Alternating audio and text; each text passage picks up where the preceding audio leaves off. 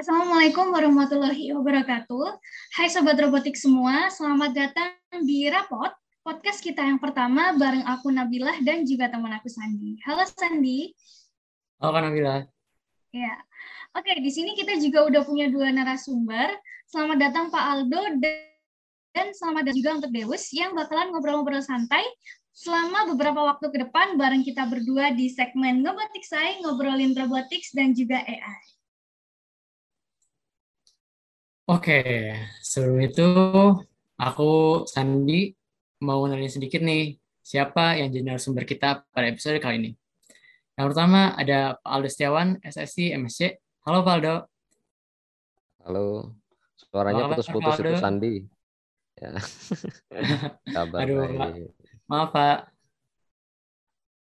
Uh, Pak Aldo aman, ini aman. merupakan salah Baik. satu dosen Aldo merupakan selaku dosen dari prodi kami, yakni Teknik Robotika dan Kecerdasan Buatan, yang merupakan lulusan dari University of Leeds dan gelar magister di bidang mekatronik and robotics.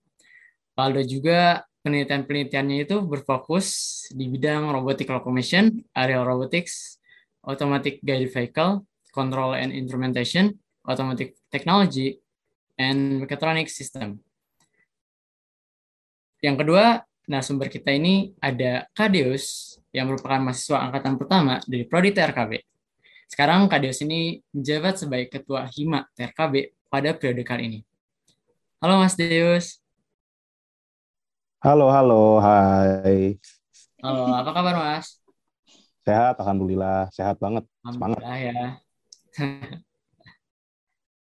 Oke, Rapot sendiri juga merupakan channel podcast resmi Prodi Teknik Robotika dan Kecerdasan Buatan yang pastinya akan memberikan sejumlah informasi mengenai prodi kami dan pastinya cocok juga didengarkan bagi berbagai kalangan. Nah, kalau ngomong-ngomong soal robotika dan kecerdasan buatan, sebenarnya merupakan jurusan yang terdengar asing bagi kita. Mungkin kalau misalnya bisa diceritakan, kalau aku juga dulu waktu masuk TRKB, orang-orang pada bertanya-tanya gitu, TRKB itu apa sih gitu dan di mana. Nah, Universitas Erlangga menjadi satu-satunya yang pertama menjadi pembuka jurusan teknik robotika di Indonesia. Nah, kalau boleh tahu nih Pak, eh, bisa dijelaskan nggak kalau misalnya TRKB ini bagaimana sih proses dibukanya gitu? Pertama jurusan ini itu bagaimana bisa Universitas Erlangga berpikir untuk membuka jurusan teknik robotika? Dan kalau boleh tahu ketika apa sih tantangan gitu ketika teknik robotika ini dilaunchingkan? Boleh, Valdo? Oke, suara saya jelas ya. Aman jelas, ya. Pak. Oke. Soalnya tadi saya dengar putus-putus, mudah-mudahan jelas ya. Mudah-mudahan bukan internet saya. Oke, jadi untuk teknik robotika ini sebetulnya kan satu paket ya. Satu paket pertama kali itu dibentuk dengan prodi-prodi lainnya di FTMM seperti teknik elektro, teknik industri, teknik eh, rekayasa nanoteknologi ya, teknik hmm. sains data ya. Nah, itu satu paket FTMM dibentuk tahun resmi resmi mulai beroperasi itu mungkin tahun awal tahun 2020. Kalau untuk uh, pertama kalinya dibentuk ya, mungkin ini dibentuk dari sudah direncanakan dari tahun 2019 mungkin ya. Dari 2019 oleh tim yang memang ditunjuk oleh rektorat dalam pembentukan uh, fakultas ini ya. Dan untuk PRKB ini timnya kalau nggak salah saya sempat diceritakan sejarahnya itu uh, dibentuk oleh tim yang dari dosen-dosen dari FST seperti itu. Uh, pada tahun 2020 uh, mungkin baru di hire lah dosen-dosen yang memang memenuhi kualifikasi sesuai dengan uh, apa namanya prodi-prodi uh, tersebut ya. Contohnya teknik robotika ya seperti kita ini teknik robotika dan kecerdasan buatan. Uh, pertama, saya bukan yang pertama kali ya. Yang pertama kali itu cuma tadinya dua ya, uh, Bu Amila dan uh, Bu Yutika itu yang pertama kali uh, awal sekali ya di plot di TRKB. Setelah itu baru saya uh, Pak Rodik dan uh, Pak Tio ya. Nah, kita satu angkatan tuh tiga tiga tiga bapak-bapak ini satu angkatan masuk tahun 2020 uh, eh, awal ya 2020. Oh se sebelum Juni lah Juni ya. ya sekitar Juni itu. Uh, jadi barengan jadi bisa dikatakan mirip-mirip dengan teman-teman anak-anak 2020. 2020 masuk Juli, Agus, Juli Agustus ya. Yang 2020 nggak ada yang anak 2020 di sini. Oh, ada Deus ya. Iya, ya. iya saya sama Deus. Oh iya Deus, iya. Oh iya Nabila sama Deus ya 2020. Uh, eh, masuknya kan Agustus ya. Nah, itu benar-benar baru pertama kali ya kalian tuh angkatan benar-benar pertama. Uh, ya seperti itu ya awal ya. Lalu tantangannya, oh kenapa dibentuk ya? Mungkin di sini pastinya ya dalam pembentukan prodi ini ya nama-nama prodi ini nggak main-main. Memang betul-betul dipikirkan ya oleh uh, oleh Pak Rektor mungkin benar-benar dipikirkan sekali uh, jurusan-jurusan yang memang mempunyai potensi besar. Ya nggak mungkin asal bikin ya. Pasti uh, ada pertimbangan yang luar biasa sehingga uh, prodi-prodi tersebut dibentuk walaupun sangat berani dan baru pertama kali di Indonesia untuk S1 dengan jurusan prodi Teknik Robotika dan Kecerdasan Buatan. Ya dibentuk karena memang ada potensi dan kalau misalnya kita lihat juga ya di di dunia kerja, dunia industri, memang saat ini semua mengarah ke otomasi yang berupa robotika ya di mana otomasi yang membutuhkan artificial intelligence juga dan uh, nggak cuma di industri ya di apa ya uh, produk-produk konsumer saat ini juga kita pasti menemukan berbagai macam aplikasi dari artificial intelligence paling gampang ya di handphone kita ya dan banyak ya bahkan sampai AC mesin cuci ya semuanya membutuhkan uh, apa namanya kemampuan uh, robotika ya di mana di situ juga ada otomasi dan bahkan sudah ditanamkan artificial intelligence. Ya, dilihat dari situ, dilihat dari kondisi saat ini, dilihat dari perkembangan teknologi saat ini, arahnya ke sana dan market ya, market dari uh, lulusan di mana banyak permintaan. Ya pastinya ada permintaan banyak. Ya kalau saya lihat di luar negeri itu sudah banyak sekali permintaan yang memang membutuhkan uh, lulusan yang integrated. Ya misalnya nggak nggak cuma uh, spesifik misalnya oh mesin mesin aja gitu. Nggak bisa. Mesin dia juga harus tahu elektro ya. Jadi elektromekanikal oh dia juga tahu elektromekanikal tahu juga bagaimana memprogram. Ya seperti itu ya nah itu banyak sekali seperti itu yang dibutuhkan seperti itu. Apalagi uh, kalau misalnya di dunia industri ya kita belum tentu kita uh, benar-benar memegang satu komponen seperti itu. Bisa jadi kita yang namanya S1 ya kita memanage manage suatu tim ya di mana kita perlu sekali integrasi ilmu seperti teknik robotika dan kecerdasan buatan ya. Bagusnya teknik robotika dan kecerdasan buatan itu memang kita terintegrated. Jadi banyak sekali ilmu-ilmu disiplin yang dijadikan satu. Mungkin di situ kita ada ada ilmu-ilmu yang didapatkan di teknik elektro di teknik mesin di um, teknik informatika ya seperti itu ya. Bahkan ada kewirausahaan dan lain-lain nah itu yang uh, memang uh, menurut saya uh, bagus sekali ya dijadikan satu sehingga menjadi lulusan yang memang bisa uh, diterima oleh market saat ini gitu ya. Apalagi ya? Tantangan ya. Tantangannya pertama ya belum ada pembanding dulu pertama kali uh, prodi TRKB itu dibuat uh, masih belum ada ya pembandingnya kita masih ada mungkin yang mirip-mirip ada nama robotikanya ya tapi bukan sarjana itu berupa uh, lulusan vokasi. Nah, itu kan pasti agak berbeda ya. Secara substansi agak berbeda sarjana dan vokasi. Nah, itu kita yang sulit mencari pembanding. Pembanding-pembanding yang kita dapatkan itu uh, akhirnya kita bisa mencari banyak sekali di luar negeri. Banyak karena memang kalau untuk di luar negeri sudah start duluan ya. Uh, banyak sekali jurusan-jurusan yang memang berbau robotika dan AI untuk S1 ya, untuk uh, sarjana ya kita bisa lihat dari sana ya kita juga mengambil referensi dari sana untuk membentuk uh, prodi ini jadi uh, tidak hanya melihat dari potensinya ya Pak Rektor juga mungkin nggak lihat oh potensinya besar nih oh tapi juga memang sudah dibuktikan di luar negeri memang udah banyak yang sudah mulai duluan ya. Ya biasa lah Indonesia ya dilihat di luar negeri di pasar di uh, uh, apa sih di universitas-universitas besar ada ya kita Indonesia yang mengikuti gitu ya. Iya itu ya tantangannya paling eh, cari pembanding, lalu kita dengan dosen yang ada itu pembuatan materi kuliah, ya kelengkapan dokumen dan lain-lain itu menjadi tantangan yang luar biasa ya. Yang namanya pembuatan prodi baru ya apalagi kita baru jalan dua tahun ya pasti banyak sekali ya tantangan. Luar biasa banyak tantangan dibandingkan yang memang sudah established berpuluh-puluh tahun ya. Kita menjalankan yang dari tahun sebelumnya seperti itu ya. Tapi kalau ini kan kita benar-benar baru. From apa benar-benar dari scratch ya. Kita mulai benar-benar dari awal. Yaitu tantangan yang luar biasa sih menurut saya bagi para dosen dan mungkin juga mahasiswa. Ya itu aja ya Oke. Terus uh, sedikit flashback juga Pak. Nabila ingat sekarang kan fakultas ya. Kalau dulu pertama kali aku sama Deus masuk namanya sekolah. masih sekolah. Ya. Iya. ya itu kenapa Pak? Ini sebenarnya pertanyaan dari dulu sih aku kepo Pak.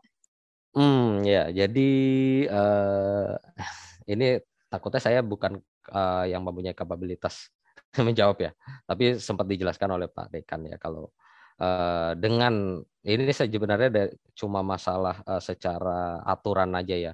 Kalau misalnya kita tetap pakai nama sekolah itu ya, itu jatuhnya uh, uh, privilege-nya itu tidak sama seperti fakultas ya, akan lebih terbatas ruang geraknya.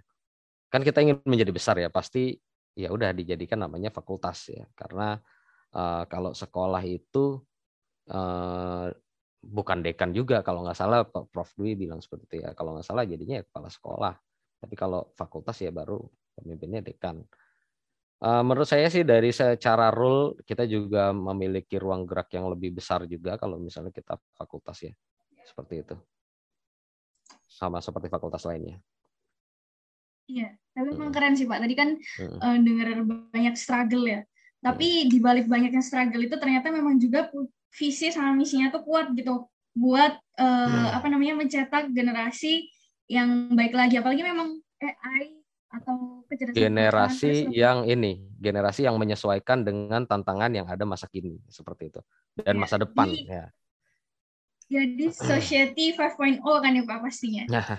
semua iya. apa-apa dikaitkan dengan 4.0. ya. Apalagi di Indonesia kita juga ada smart city kan Pak gitu. Ya, betul. Oke, gitu. Makasih Pak Aldo. Nah, banyak struggle-nya tadi ya uh, buat teman-teman semuanya. Terus sekarang nih, kalau untuk Dewa sendiri, ini kan jurusan baru ya. Kamu juga sebagai angkatan pertama nih. Terus itu kok bisa klik sih untuk milih jurusan ini? Dan ketika udah nyemplung nih di jurusan ini, gimana pendapatmu? Apa enggak uh, apa sesuai ekspektasi atau enggak atau kayak gimana deh? Pertama-tama. Uh, Oke. Okay. Jadi sebenarnya nih uh, untuk awalnya ya, aku kan emang minatnya awalnya ke informatika ya. Jadi aku emang dari awal nyari informatika. Tapi aku juga ngerasa kalau misalnya informatika tuh untuk praktikumnya aku merasa kayak kurang banget. Aku pengen yang ngerasa yang kayak yang pengen terjun ke lapangan, aku pengen tanganku tuh kotor gitu loh untuk yang praktikumnya tuh kayak gitu.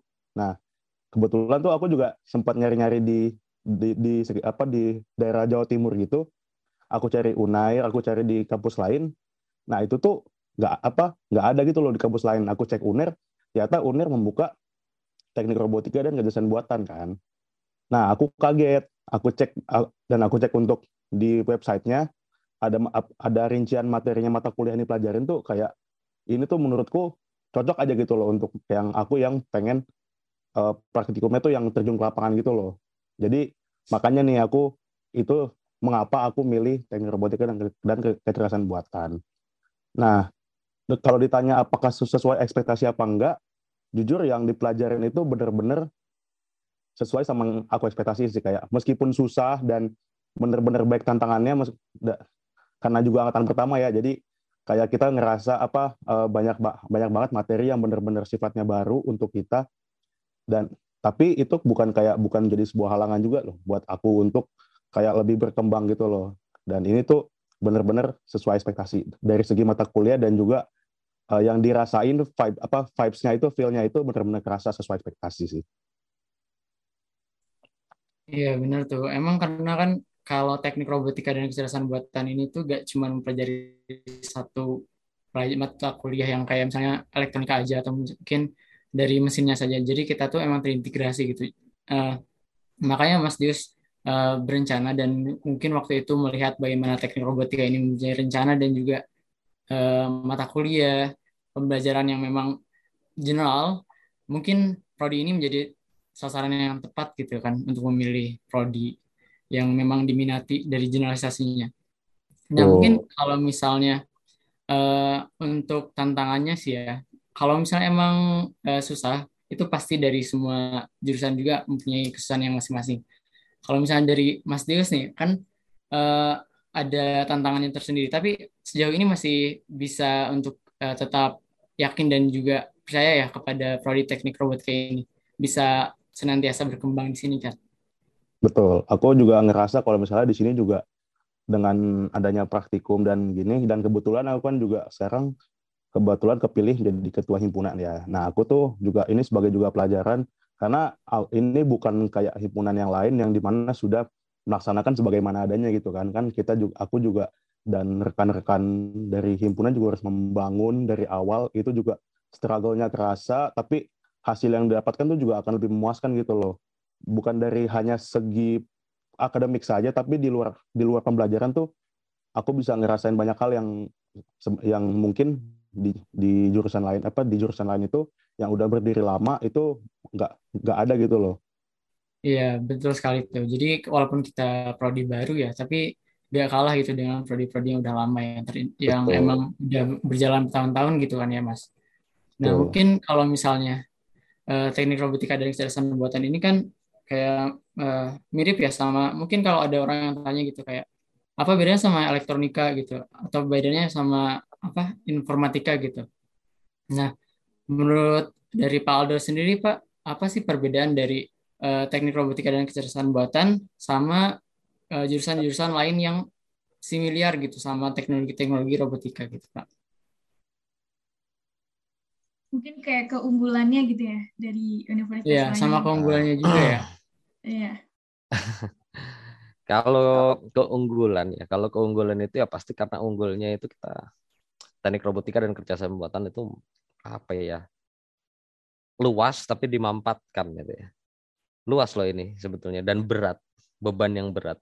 Teknik robotika dan kecerdasan buatan itu berat sekali karena ilmunya tuh luas ya, luas sekali. Nah itu itu sebenarnya uh, selain keunggulan ya menjadi amanah yang cukup besar ya, beban yang cukup besar untuk uh, prodi menjalankan uh, program studi ini. Ya, uh, perbedaannya yang mencolok ya, mungkin uh, memang kita kurikulumnya itu sudah didesain bagaimana caranya lebih fokus ke robotika dan AI ya. Beda dengan oke, okay, misalnya kita bisa lihat teknik elektro ya atau mungkin bahkan teknik fisika ya. Teknik elektro ya mereka uh, elektro tuh luas sekali juga ya dan mereka harus memfokuskan lagi kalau memang ingin uh, ke robotika karena elektro itu pun juga punya beberapa beberapa peminatan. Ada yang harus lemah ada yang harus kuat ya. Ada yang tenaga listrik untuk uh, eh, PLN seperti itu ya. Nah itu kan lebih luas lagi. Nah jadi kalau memang fokus itu hanya satu peminatannya saja. Uh, robotika contohnya kendali. Atau uh, mungkin teknik mesin. Ya, misalnya kita mau masuk teknik mesin kita pengen banget belajar uh, robotika nih uh, ya tapi kalau di teknik mesin itu luas sekali ya kalian itu belajar banyak sekali ya dari material ya dari jenis-jenis material ya juga lebih banyak ya dari benar-benar gambar-gambar yang pakai pulpen gitu ya pakai uh, di kertas eh, suara saya terdengar nggak takutnya nggak stabil nih Aman. Benar, Pak. Aman, aman. Ya seperti itu ya. Jadi dengan adanya teknik robotika ini memfasilitasi teman-teman yang memang pengen langsung fokus ke robotika atau ke artificial intelligence atau artificial intelligence di bidang robotika atau artificial intelligence saja. Ya hal yang tidak terpisahkan juga ya. Robotika membutuhkan artificial intelligence juga seperti itu. Ya, jadi bagi teman-teman yang ingin lebih fokus ke bidang tersebut itu lebih terfasilitasi. Itu keunggulannya. Jadi nggak uh, ada yang namanya oh prodi ini lebih unggul dari ini. Oh sejarah lebih bagus daripada matematika ya nggak bisa gitu, nggak bisa ya. Jadi uh, bagaimana kita memberikan memfasilitasi teman-teman yang memang ingin di bidang itu. Oke, jadi teman-teman yang pengen di bidang robotika atau artificial intelligence, ya mungkin kita lebih unggul dalam menawarkan uh, racikan racikan uh, kurikulumnya dibandingkan kalian kalau misalnya masuk ke uh, jurusan yang lebih umum misalnya ke teknik uh, informatika seperti itu ya. Oke. Okay. Mungkin uh, apakah dapat pesannya atau suara saya banyak putus-putusnya? Dan dapat Pak, dapat. Ya. ya itu ya mungkin ya kelebihannya ya. Ya, lebih fokus lah ya Pak. Kalau misalnya ya, di betul. lain itu kan memang mungkin seenggaknya kalau di sekolah itu kayak apa ya? Kayak ekstrakurikuler gitu nggak sih Pak? Cuman kayak hmm, sampingan. Tapi kalau bukan ekstrakurikuler, kan bukan ekstrakurikuler, tapi lebih ke peminatan. Biasanya peminatan bidang. Oh iya. Kayak misalnya saya uh, contoh ya di UI ada di fisika fisika UI ada peminatannya, ada instrumentasi ya yang lebih ke yeah. mirip lagi tuh bersinggungan lagi dengan teknik elektro teknik uh, teknik kendali seperti itu ya. Ada yang fisika material. Nah, itu malah lebih mirip ke seperti rekayasa nanoteknologi ya, seperti itu ya. Nah, kan yeah. itu ada berbagai peminatan. Nah, tapi utamanya ya dia ilmunya fisika seperti itu. Nah, tapi kalau kita dari awal itu memang dari awal sudah dijuruskan. Kita tidak perlu menunggu lagi beberapa semester untuk mendapatkan peminatan. Dan di mana kalau misalnya jurusan yang lebih luas seperti itu, misalnya teknik informatika atau teknik elektro, ya karena SKS kan pasti terbatas. Satu semester SKS segitu. Ya kalau misalnya kita memang pengen fokus di uh, apa namanya uh, ilmu robotika, ya kita dapat SKS sedikit. Karena apa? Karena kita harus melewati seluruhnya yang di awal. Semester 1, 2, 3 semuanya harus dilewati di mana uh, sebagai ten, uh, sarjana elektronika yang uh, standar ya sesuai dengan asosiasi ya harus diikuti itu semua. Nah, seperti itu. Tapi kita keunggulannya bisa langsung lebih fokus ya. Yeah. Begitu. Yang ingin di bidang teknik robotika dan kecerdasan buatan. Itu keunggulannya ya. Kalau unggul dibanding prodi lain ya itu belum tentu gitu ya. Tapi keunggulan bagi yang ingin memilih di bidang tersebut. Oke. Okay. Ya, kalau yeah. prodi nggak bisa dibanding-bandingin. Oh ini lebih bagus, ini lebih bagus nggak nggak nggak seperti itu. Tergantung kita milihnya yang mana. Ya, gitu. Fasilitator. Mm -hmm. ya. uh, Oke, okay. Keren banget memang sama penggalannya. Terus ini boleh dijawab deh sama Pak Aldo atau Deus atau ganti-gantian juga boleh. Kira-kira persiapan apa aja sih yang dibutuhkan kalau kita itu mau jadi maba di jurusan ini? Wah, itu kalau dari aku ya, yang pasti nomor satu itu kalau sebelum kuliah itu harus kalau mau kuliah ya, itu yang pasti harus sudah punya mental dulu sih. Mental kuliah, mental untuk jadi mahasiswa itu perlu banget karena kan sekolah dari sekolah menjadi mahasiswa dari siswa menjadi mahasiswa itu beda banget kan. Nah, itu tuh pasti ada hal-hal yang harus dipersiapkan, harus keluar dari zona nyaman dan itu kalau nggak ada mental untuk jadi mahasiswa tuh kayaknya menurutku bakal susah untuk beradaptasi di lingkungan perkuliahan sih. Kalau kalau dari aku gitu. Dari aku juga kayak gitu sih mas. Jadi kan kita awalnya dari SMA atau SMA sederajat ya. Kemudian kita mau masuk ke bangku perkuliahan. Dari mungkin dari uh, proses pembelajarannya juga beda. Kalau misalnya kita waktu sekolah jam 7 mulai dan kemudian sampai jam 12 atau sampai jam 3. Tapi kan kita di perkuliahan ada yang namanya sistem SKS ya. Jadi ada matkul-matkul juga yang dimulainya pada jam-jam tertentu. Jadi kita memang harus mempersiapkan mental terlebih dahulu dan juga pengetahuan dasar ya bagaimana perkuliahan itu uh, sebetulnya. Uh, keren sih ya jurusan kita robotika dan kecerdasan buatan ini masih pertama gitu. Dan banyak kesempatan juga untuk eh, orang-orang uh, yang mau masuk terjun di robotika dan mempelajari integrasinya di robotika gitu. Nah ini robotika ini menjadi fasilitator gitu untuk orang yang memang minatnya ke robotika.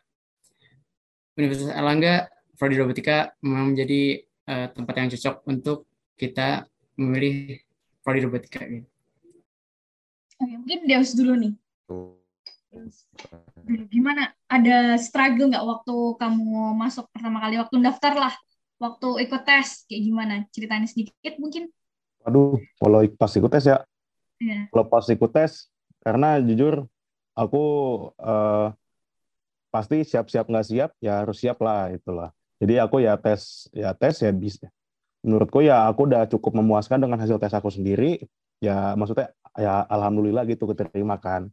Nah, hmm. tapi pas masuk itu beneran kayak shock banget sama culture-nya apa kehidupan perkuliahan tuh kayak harus yang kayak uh, bisa manage waktu, harus bisa apa, harus Iya. benar-benar bisa apa ik- ikutin sama perkembangan perkuliahan dan itu nggak cuma di bidang akademik gitu loh. Kita juga harus benar-benar ngikutin kayak yang UKM, organisasi. Karena menurutku tuh itu juga penting nggak bukan cuma hanya untuk sekedar sertifikasi aja kayak untuk formalitas tapi menurutku itu juga sangat sangat membangun di uh, soft skill kita, untuk soft skill kita juga gitu loh. Kayak untuk manajemen, leadership, itu teamwork itu tuh sangat diperlukan banget apalagi di dunia di dunia kerja yang sekarang ya itu menurutku yang udah aku lihat itu sangat dibutuhkan gitu loh. Menurutku sih gitu Kalau aku, ya sih. Kalau ini aku mungkin, eh kalau dari teman kita kan beberapa udah ada yang punya skill ya. Mungkin kayak ada salah satu teman kita yang udah pernah dulu menguasai di robotika. Tapi kan kalau aku gak ada sama sekali nih. Itu memang benar-benar kaget banget, culture shock banget. Eh, apalagi dari SMA yang apa namanya mungkin tugasnya nggak seberapa terlalu berat banget terus masuk sini banyak banget tugasnya gitu kan ya. Habis itu juga skillku sebenarnya nggak seberapa masuk gitu dulu awal-awal kayak memang nggak ada sama sekali gitu skillnya di bidang ini. Baru ya di sini pas pertama kali masuk baru cari-cari tahu sendiri ya baru gitu. Jadi kayak bener-bener bisa nyatu itu setelah beberapa semester 2 3 gitu lah di semester 1 2 tuh memang dulu bener-bener kayak wah sedih banget kayak merasa salah salah jurusan gitu tapi telah- lama-lama ternyata ya bukan salah jurusan mungkin masih belum adaptasi aja sama lingkungan juga gitu iya Sandi Sandi gimana Sandi Oh, oke oke. Kalau aku nih, kan Kak, dari tadi Na- Kak Nabila itu dari SMA ya, Kak.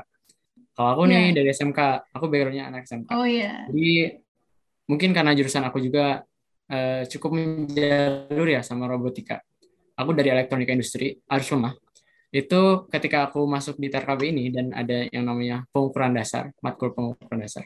Itu ilmu yang aku pelajari di SMK selama tiga tahun itu berguna gitu. Jadi Hmm. mungkin kalau di sini nanti ada yang dengar dari anak SMK itu pasti ilmu kalian berguna di sini gitu. Dan dan jangan takut untuk ketinggalan materi. Misalnya anak SMA kan dari MTK-nya ada MTK peminatan dan lain sebagainya.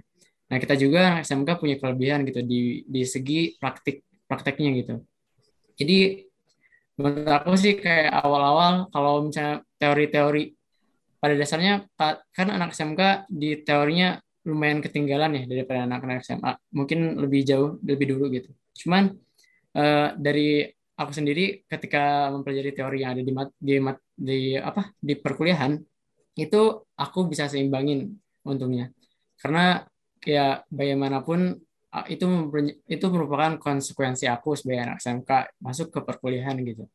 Aku harus belajar lebih banyak teori dari sama seperti anak-anak SMA gitu. Itu sih kalau aku dari anak SMK gitu kan. tapi ternyata ilmunya S1. ilmunya dari SMK kan bermanfaat banget kan kamu bisa linear juga Iya, kayak- iya. Alhamdulillah gitu. Bisa kayaknya nggak terlalu kaget gitu. Ini tuh komponen apa ini tuh apa. Nah ya seperti itu. lebih terbiasa kan daripada anak SMA Mm. iya sih. Jadi kayak nggak nggak cuma anak SMA doang tapi anak SMK tuh juga masih ada kesempatan gitu ya nggak sih nggak Hmm, sih? iya benar benar Ya, Ya kan? nggak cuma anak yang SMK yang notabene-nya tuh banyakkan praktikumnya yang katanya apa susah untuk masuk kuliah kayak katanya gitu-gitu itu Iya. nggak kayak gitu kan kayak apa sih namanya ya ster apa stigma stigma gitu doang sih menurutku sih karena kan semua banyak juga teman-teman kita yang akhirnya bisa masuk ke sini kan ya kan buktinya begitu berarti buktinya bahwa stigma itu stigmanya tuh nggak kayak gitu gitu loh Ya, nggak sepenuhnya benar gitu dan Iya, kayak betul. salah gitu bahkan. Hmm. Dan tapi justru ya anak SMK tuh lebih siap gitu buat Iya. buat kuliah sebenarnya karena kan praktiknya lebih banyak juga. jat- iya jatuhnya untuk praktikum apalagi kita kan juga lumayan banyak praktikum jadi Iya. emang udah ada persiapan dari awal Nah, mungkin ah, dari Pak Aldo gimana tuh Ya. Pak persiapan saya masuk gak? masuk Ini Pak sorry banget nih, internetnya nih parah sekali ini di sini saya keluar masuk. Pak sekarang. Ya udah Masuk. bagus ya. Masuk, Pak. Iya, kalau menurut saya ya, tadi benar yang Deus bilang itu kita harus Pak. mempersiapkan. Eh, ini masuk kan suaranya? Masuk, Pak, masuk. Ya, kita harus mempersiapkan eh, sebagai menjadi mahasiswa. Jadi perbedaannya dulu kita sekolah di SMA sama mahasiswa, kalau misalnya kita di SMA itu kita disuapin ya. Kalau mahasiswa itu kalian bukan cuma sekedar suapin sendiri, tapi kalian cari makan sendiri di luar. Nah, seperti itu. Ya, itu perbedaannya ya. Jadi betul-betul sebetulnya itu ya. Jadi kalian eh, dalam eh, apa namanya mencari untuk belajar ya. Nggak lagi disuapin kayak zaman dulu SMA ya, tiap hari masuk udah udah pasti tuh jadwalnya kalian tinggal duduk aja ya di kelas. Ini enggak ya bisa jadi kelasnya pindah-pindah, bisa jadi kelasnya tahu-tahu uh, di cancel. Ya itu udah wajar di uh, perkuliahan itu wajar sekali ya. Atau bisa jadi materinya sedikit, tiba-tiba uh, pas UAS itu wah materinya gak ada sama sekali yang dipelajari ya karena memang betul-betul kalian yang diberikan itu uh, hanya berupa misalnya kontrak kuliah ya. Kalian harus mempelajari bagian itu gitu. ya udah kalian pelajari, cari tahu sendiri ya itu sebetulnya kuliah seperti itu. Tidak betul-betul disuapin. Ya walaupun kadang-kadang masih sering ya eh, kadang-kadang ya dosen memberikan semua lengkap dan pada saat UTS atau UAS ya dikeluarkan yang sudah diajarkan saja. Tapi aslinya sebetulnya ya kalian ya itu cari makan sendiri ya cari informasi sendiri. Nah untuk persiapannya sebelum masuk TRKB kalau saran dari saya nih ya mungkin ada teman-teman yang menonton eh, eh, yang ingin mempersiapkan diri untuk masuk TRKB kalau saran saya di eh, apa ya diperkuat ya bidang fisika, matematika ya seperti itu ya. Fisika, matematika, TIK ya, kemampuan ilmu komputernya ya dan kreativitas dan imajinasi yang tinggi gitu ya. Kalian memang eh, ingin menjadi seorang inventor gitu, ingin membuat sesuatu, bukan sebagai berbedaannya itu bukan kalian yang hanya nanti bekerja untuk mengerjakan sesuatu yang administratif saja atau mengerjakan sesuatu yang uh, prose- prosedural. Kalian harus mempersiapkan diri menjadi seorang inventor gitu, menjadi seorang uh, pengembang ya seperti itu yang bisa berinovasi. Jadi ilmu-ilmu dasar seperti itu ya seperti matematika, fisika itu penting sekali ya, terutama fisika ya karena kita hidup di dunia uh, secara fisis gitu ya dan robotika itu yang nggak jauh-jauh semuanya dari ilmu fisika ya di mana banyak perhitungan-perhitungan juga memerlukan ilmu fisika. Kemampuan pemrograman bisa dilatih. Yang paling penting apa? Eh, eh, kalian itu paham konsep-konsep fisis itu paham ya. Lalu eh, kalian punya eh, pola berpikir yang baik gitu ya, secara bi- bisa berimajinasi, bisa berkreativitas dan memiliki eh, logika yang baik gitu. Ya, seperti itu ya. Dan lucunya di ini apa namanya? Di UNER itu ada mata kuliah logika dan pemikiran kritis ya. Ya, itu penting sekali ya sebenarnya logika dan pemikiran kritis ya untuk semua ilmu sebetulnya. Ya, terlebih untuk robotika yang di mana kita membuat robot untuk menyelesaikan suatu masalah. Pastinya kita butuh eh, logika yang baik ya, logika dan pemikiran yang kritis. Eh, dan kalau untuk armornya kalian armor dalam menjadi eh, mahasiswa mungkin hampir semua jurusan ya kalian pasti membutuhkan laptop.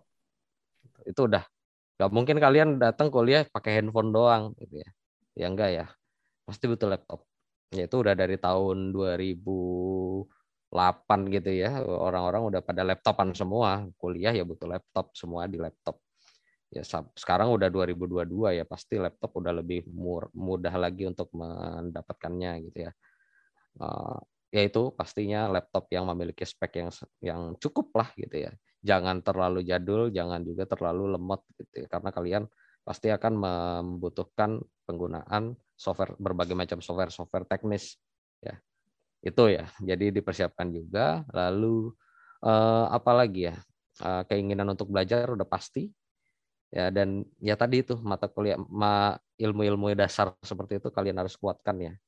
Seperti itu. Itu sih kalau menurut saya persiapannya untuk mahasiswa yang ingin masuk TRKB ya sama belajar untuk senam PTN ya biar bisa dapat karena sedikit cerita ya. Jadi dari tahun 2020 ke 2021 passing grade-nya ya karena saya kan kebetulan mengerjakan akreditasi di bidang untuk yang mahasiswanya. Jadi saya tahu oh datanya seperti ini. Yang masuk berapa, yang diterima berapa.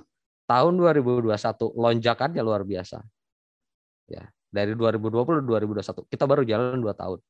Dari tahun pertama ke tahun kedua. Luar biasa lonjakannya. Yang jadinya makanya kalau Pak Dekan Prof dibilang, oh ini nanti ke depannya itu akan sangat populer dan eh, jurusan-jurusan di FTMM itu memang eh, apa namanya ditargetkannya itu eh, bisa sepopuler seperti FK. Ya memang benar di tahun kedua lonjakannya luar biasa. Ya kalau misalnya kita lihat eh, eh, ekstrapolasikan ya bisa jadi makin ke depan makin ke depan itu makin luar biasa. Apalagi kalau memang uh, informasi ini sudah terpapar ke seluruh Indonesia karena masih banyak sekali yang belum tahu teknik robotika ini. Semakin banyak orang tahu, saya yakin semakin banyak yang berminat. Dan teman-teman yang ingin masuk teknik robotika harus persiapkan diri dengan baik, belajar dengan baik untuk bisa dapat di uh, teknik robotika UNER ini. Gitu. Benar banget, Pak.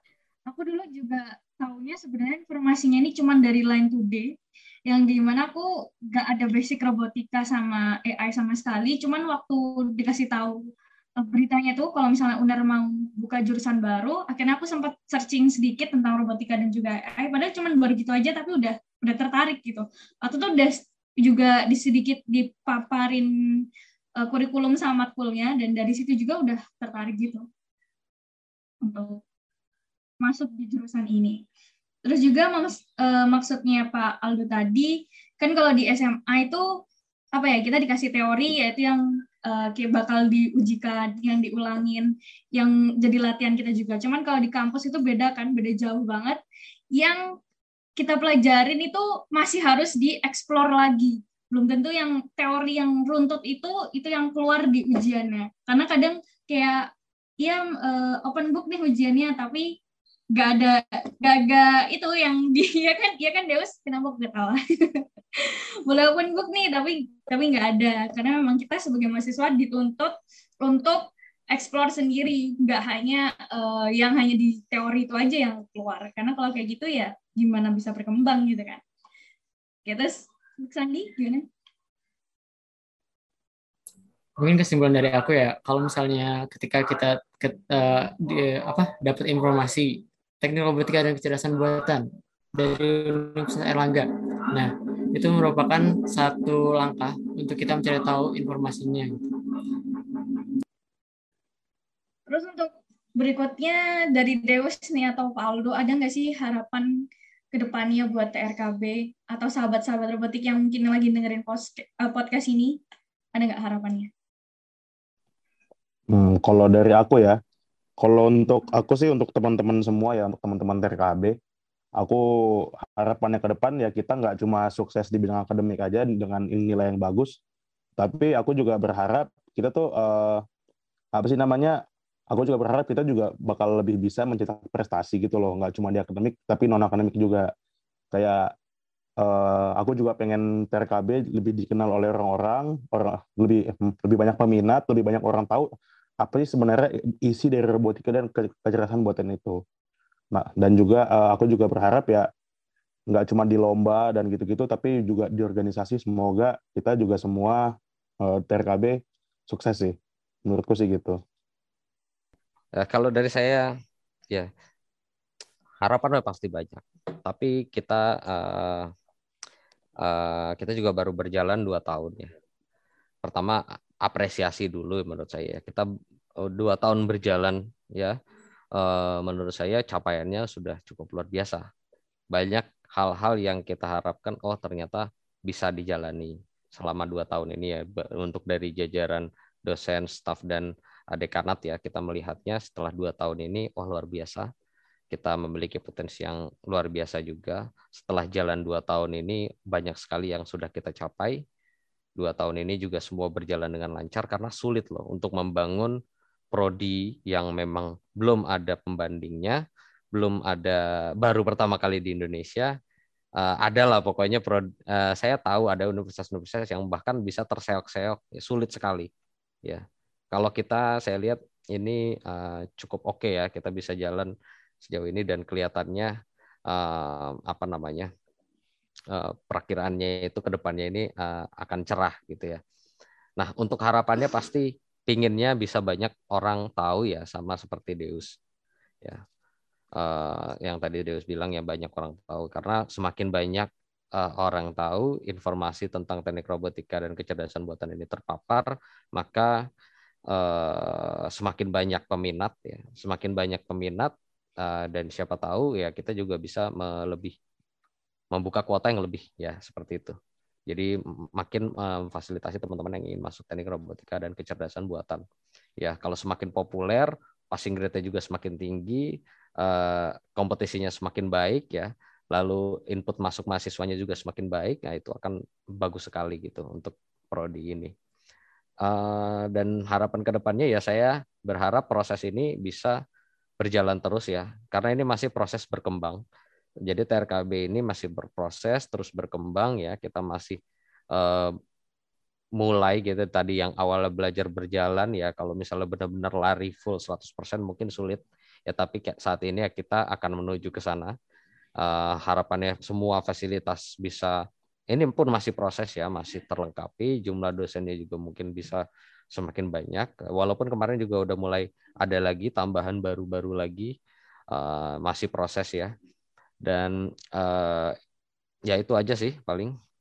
Dan harapannya teman-teman yang udah di TRKB ini tetap semangat terus ya, tetap semangat uh, dan ya jangan ini ya, kalian harus disiplin ya. Harapan saya teman-teman TRKB ini harus disiplin ya karena kedisiplinan itu akan menentukan keberhasilan juga ya harus disiplin dan betul-betul uh, apa ya uh, kuliah ini itu penting gitu ya. Kuliah ini itu penting. Mungkin ada teman-teman dari uh, uh, mahasiswa ini yang mungkin masih uh, belum terlalu menganggap oh kuliah ini masih bukan prioritas nomor satu ya. Ya tapi mungkin karena keadaannya. Tapi uh, menurut saya uh, penting sekali untuk teman-teman bisa memprioritaskan ya perkuliahan ini ya. Lalu bisa disiplin ya, dan semangat ya untuk belajar sendiri ya cari tahu informasi sendiri belajar secara otodidak karena jujur saja ya saya juga sendiri dulu sebagai mahasiswa yang paling saya banyak dapatkan itu pada saat saya belajar sendiri pada saat saya contoh ya saya mengikuti lomba-lomba robotika, saya mengikuti organisasi robotika di situ saya belajar sendiri dari senior ya dari internet, dari karena coba-coba sendiri, karena project-project. Nah, itu yang cukup banyak kita dapat ilmu ya. Jadi jangan cuma mengandalkan dari perkuliahan, tapi kalian juga harus eksplorasi sendiri. Fasilitas kita sediakan ya, ruang gerak mahasiswa juga sudah enak sekarang, sudah tidak pandemi lagi, kalian bisa bebas beraktivitas di kampus di GKB gedung kampus C ini ya. Ya jadi uh, silahkan bereksplorasi, tetap semangat teman-teman yang sudah masuk robotika ya. Dan harapan saya sih ya menjadi lulusan yang menjadi pionir gitu ya, lulusan-lulusan yang pionir, uh, lulusan yang bisa memberikan inovasi baru untuk Indonesia. Itu aja sih. Amin Pak. Semoga mahasiswa-mahasiswanya bisa uh, apa, ikut juga gitu menjadi salah satu faktor berkembangnya teknik robotika dan kecerdasan buatan di UNER ini. Karena kan harapan-harapan ini kan nggak cuma dipegang sama dosen doang kan ya. Jadi mahasiswa-mahasiswanya juga jadi faktor utama betul. bagi jurusan itu. Ya, betul sekali. Hmm. Ya, salah satu faktor utama ya mahasiswanya juga. Ya. Yeah. Kalau mahasiswanya bagus, secara internal kita bagus, pasti prodi ini berkembang. Iya, betul, Pak. Jadi mungkin bagi teman-teman yang dengerin podcast ini, kalau misalnya kalian udah matang di jurusan teknik robotika, menjadi jurusan kalian ke depan yang kalian ambil, eh, percayalah dan yakin kalau misalnya kita sama-sama bisa bangun teknik robotika dan kecerdasan buatan ini menjadi jurusan yang gak cuma diminati oleh banyak orang, tapi juga memang bisa membantu Indonesia berkembang dan menjadi prodi yang unggul gitu kan Pak. ya. Amin insya Allah. Terima kasih Pak Aldo dan juga Deus untuk sarannya tadi dan kalimat uh, saran dari Pak Aldo dan juga Deus tadi sebagai penutup podcast kita untuk hari ini. Sampai jumpa di episode kita berikutnya, yang pastinya di segmen Ngobatik Say, ngobrolin robotics dan juga AI, bareng kita berdua. See you. Wassalamualaikum warahmatullahi wabarakatuh.